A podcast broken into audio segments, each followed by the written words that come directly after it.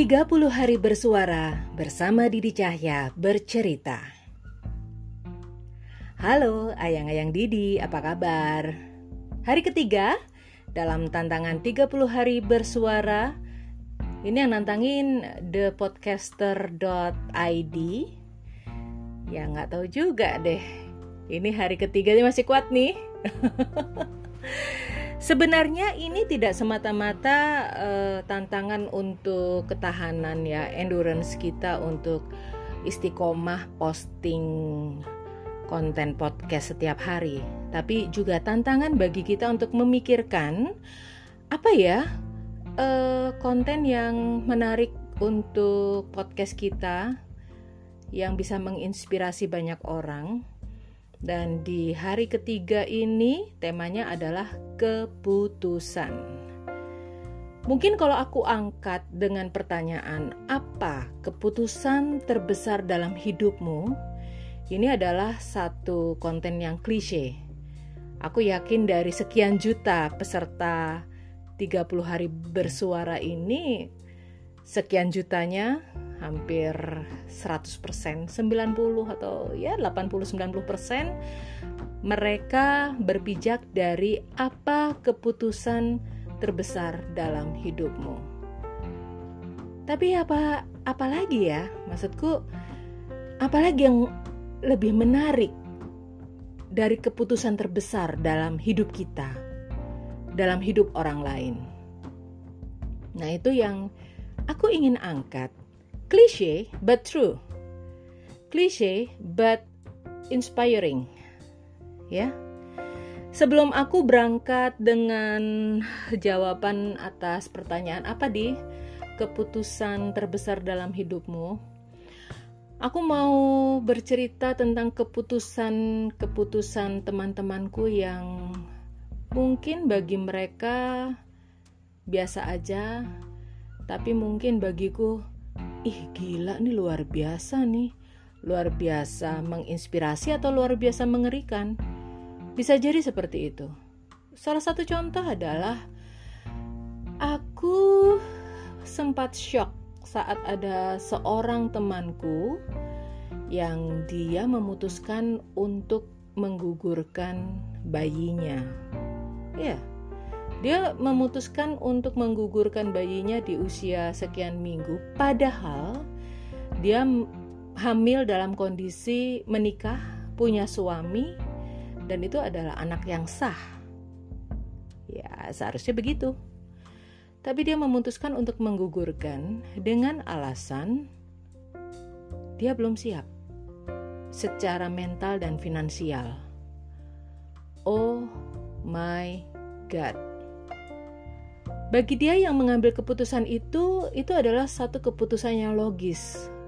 Satu keputusan yang sudah dipertimbangkan masak-masak. Ya gimana nggak masak, nggak, nggak mateng gimana. Itu anak hasil hubungan sah. Itu anak hasil hubungan dia dengan suami sendiri. Tapi mau digugurkan. Aku lupa ini statusnya anak kedua atau anak pertama ya. Yang jelas waktu dia mengutarakan keputusannya itu aku shock. Karena waktu itu aku termasuk perempuan yang susah laku. Jadi menikah dan punya anak itu adalah salah satu impianku. Dan saat temanku sudah menikah dan sudah mengandung mau digugurin nggak masuk akal menurutku. Ini keputusan yang ya waktu itu aku masih I'm too naive untuk menerima kenyataan bahwa ada loh ternyata perempuan yang menggugurkan kandungannya karena ketidaksiapan. Kalau hamil di luar nikah digugurin walaupun itu salah, banyak kasusnya. Tapi ini dalam ikatan pernikahan loh. Dan aku yakin bukan hanya dia yang melakukan itu, masih banyak perempuan lain yang melakukan itu. Itu adalah pengambilan keputusan yang sangat besar menurutku. Sangat besar. Kita nggak usah membahas dari kajian agama, moral, dan lain-lain, tapi alih-alih mengatakan itu keputusan yang salah, aku lebih Lebih nyaman mengatakan itu satu keputusan besar yang tidak akan mungkin aku lakukan. Nah, jadi sebenarnya definisi keputusan besar itu apa sih? Ya kan?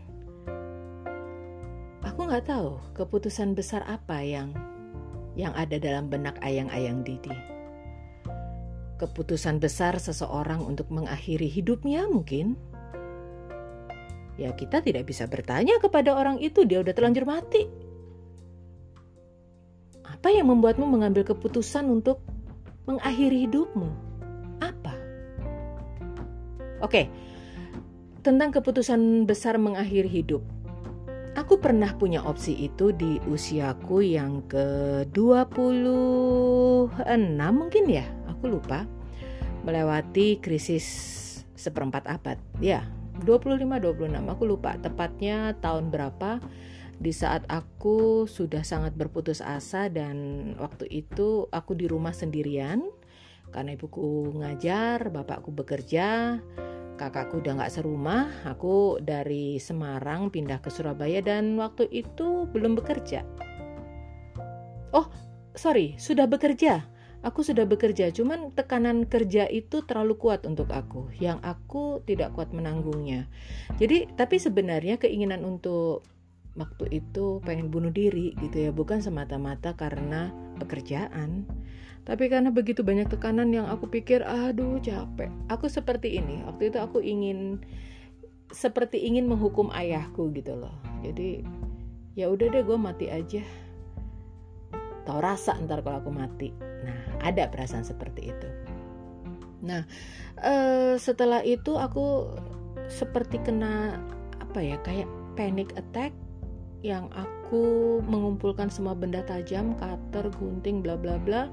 Aku liatin terus jantungku berdebar-debar. Aku tutupi uh, korden, aku kunci pintu kamar dan aku menangis. Aku menelpon hotline service psikologi waktu itu. Aku mencari-cari dan menemukan kan aku wartawan ya waktu itu. Jadi aku punya nomornya. Tapi aku waktu sana udah halo, halo, ada yang bisa dibantu. Aku tutup teleponnya sampai akhirnya aku mengatakan pada diriku bahwa aku masih punya ibu. Ya, waktu itu aku mengatakan pada diriku sendiri bahwa aku masih punya ibu. Jadi, semarah-marahnya aku pada ayahku, aku masih punya ibu. Kucabutlah keputusanku itu karena saat itu aku berada di persimpangan jalan dan aku memilih untuk balik kanan maju jalan. Karena itu tadi, Ibuku adalah ustazah pertamaku dalam hidupku dan beliau selalu menekankan seputus asa putus asanya kamu jangan coba-coba untuk bunuh diri karena itu dosa besar. Selain kamu berzina, selain kamu menyakiti orang tuamu. Aku ingat ibuku pernah ngomong kayak gitu. Nah setelah itu ya setelah kejadian itu akhirnya aku ke psikiater gitu kan ceritanya. Jadi uh, Aku pikir itu adalah satu keputusan besar untukku melanjutkan hidup waktu itu. Nah, jadi keputusan seseorang untuk melakukan sesuatu itu terkadang bisa diterima oleh akal satu orang, tapi tidak bisa diterima oleh akal yang lain. Untuk orang yang sangat berbakti pada orang tuanya, yang sangat menyayangi dan disayangi orang tuanya dengan cara yang dia inginkan, dengan bahasa cinta yang tepat, mungkin keputusanku untuk kepengen bunuh diri adalah salah di mata dia. Tapi bagi orang yang merasa apa ya, bisa dibilang dia adalah penyintas depresi segala macam, mungkin mereka bisa memahami apa yang ada di kepalaku. Itu dia, keputusan besar bagi setiap orang itu berbeda-beda. Ada orang yang mengatakan keputusan terbesar dalam hidupnya saat dia memutuskan untuk bercerai. Ya, ayang-ayang Didi siapa yang punya alasan itu? Ayang-ayang Didi yang berpisah, ayang-ayang Didi yang bercerai mungkin menganggap dan mengatakan bahwa perceraian adalah salah satu atau satu-satunya keputusan terbesar yang pernah kalian ambil dalam hidup. Ya nggak sih? Kalau aku enggak. Alih-alih aku mengatakan perceraian adalah keputusan terbesar dalam hidupku, aku lebih tepat kalau mengatakan bahwa pernikahan adalah keputusan terbesar dalam hidupku. Kenapa begitu? Karena aku mengambil keputusan menikah di saat aku sudah terlanjur memutuskan untuk tidak menikah. Nah, jadi aku menikah itu kan sebenarnya almost 40 ya. Jadi sudah sudah bangkotan, udah dalam usia yang nikah nggak nikah ya sudahlah. Ya su sudah, gitu. nggak nikah ya nggak apa-apa. Tapi tiba-tiba uh, semua dimudahkan aku tidak mengatakan jodoh datang ya karena yang datang ya itu lagi itu lagi orang yang sama sekian puluh tahun gitu kan jadi aku tidak bisa mengatakan jodoh yang datang tapi akhirnya waktu yang menetapkan bahwa ayo kalian berdua menikah gitu itu keputusan terbesar dan terberat dalam hidupku karena aku sudah terlanjur menikmati kehidupanku sebagai perempuan single dengan karir yang bagus, dengan penghasilan yang bagus, dengan ya lumayan ada tabungan, bisa jalan-jalan, kurang apa? Ya kurang suami dan anak waktu itu mikirku. Dan aku mengambil keputusan untuk menikah karena aku juga merasa ada satu kewajiban dariku sebagai anak untuk bisa membahagiakan ayahku, salah satunya dengan menikah. Oke, ternyata itu tidak berjalan lancar dan ada awal yang harus diakhiri juga. Orang-orang bertanya kepadaku, "Apakah kamu menyesali keputusanmu untuk bercerai?" Enggak, Oh, jadi kamu gak nyesel? Enggak. Karena apa yang disesali? Berarti kamu menyesali keputusanmu untuk menikah? Enggak. Serius, aku tidak menyesal. Walaupun kondisiku sekarang sangat buruk. Jauh lebih baik kalau seandainya aku tidak menikah gitu ya. Mungkin saat aku tidak menikah aku masih punya pekerjaan, aku masih punya karir, aku masih punya tabungan, aku sudah punya rumah, sudah punya mobil, bisa jadi gitu ya kalau ukuran keberhasilan dinilai dari materi mungkin itu bisa aku lakukan bisa aku dapatkan. Tapi ternyata sekarang penghasilan nggak punya kerjaan nggak punya terlilit tagihan yang bikin nangis setiap bulan bikin depresi gitu. Apakah aku menyesali keputusanku untuk menikah? Enggak. Karena keputusanku menikah itu setelah sekian lama aku jalani memberikanku begitu banyak warna Walaupun ujung-ujungnya warna yang aku dapatkan itu adalah hitam. Tapi aku yakin akan ada saatnya kalau memang Tuhan masih memberikan aku umur, hitam itu perlahan akan menjadi abu-abu tua, abu-abu, abu-abu muda, terus memudar dan akhirnya menjadi putih, akhirnya menjadi jernih. Aku percaya itu. Jadi aku tidak menyesal. Ini bukan bukan pembelaan, bukan pembenaran atau orang Jawa bilang abang-abang lambe. Enggak. Ya aku emang nggak nyesel. Kenapa aku nggak nyesel? Karena di malam sebelum aku menjalankan akad nikah untuk besok, ada satu mantra yang aku rapalkan berkali-kali hingga aku tertidur, yaitu Ya Allah, seberapapun waktu yang kau berikan untukku dalam pernikahan ini, aku akan mensyukurinya. Aku akan berbahagia untuknya. Untuk aku maksudnya. Jadi nggak nggak minta sih kayak lagu-lagu dangdut gitu loh misalnya kita habis akad terus tiba-tiba ada seseorang yang batalkan pernikahan ternyata usia pernikahan cuma dua jam dua hari dua minggu ya aku nikmati dua jam itu dua hari itu dua minggu itu akan aku nikmati karena sebeg segitulah jodoh yang diberikan Tuhan kepadaku. Waktunya cuma segitu. Aku syukuri, aku nikmati. At least aku punya status pernah jadi istri kan. Satu hal yang harus aku syukuri. That's okay, gak masalah. Itu menyenangkan. Jadi jika orang lain banyak yang menganggap bahwa perceraian adalah keputusan terbesar dalam hidupnya, kalau aku mengatakan pernikahan adalah keputusan terbesar dalam hidupku. Dan ternyata walaupun itu gagal ya sudah. Kenapa kok pernikahan itu aku gagalkan? Karena aku mempunyai keputusan besar terbaru yang mungkin terdengar egois, tapi itulah keputusan terbesarku saat ini bahwa di sisa usiaku yang aku nggak tahu berapa tahun lagi, aku cuman ingin satu, bahagia. Jadi aku mengambil keputusan untuk membahagiakan diriku sendiri. Egois, ya. Kenapa? Aku sudah berusaha untuk membahagiakan ayahku, tapi ternyata ayahku tetap tidak bahagia dengan caraku. Is that my mistakes? No. Hanya karena bentuk kebahagiaan yang berbeda. Aku sudah berpuluh-puluh tahun merasakan ketidakbahagiaan. Jadi, ini saatnya aku ingin bahagia. Ini saatnya aku menciptakan kebahagiaanku dan ini keputusan terbesar dalam hidupku. Dan aku ambil itu di tahun 2020. Nah, aku nggak ngerti kalau ayang-ayang di yang lain punya keputusan terbesar apa dalam hidup kalian di tahun ini. Kalau aku itu, keputusan terbesar dalam hidupku adalah aku harus mewujudkan kebahagiaanku. Aku tidak akan bisa membahagiakan orang-orang di sekitarku kalau aku sendiri nggak bahagia.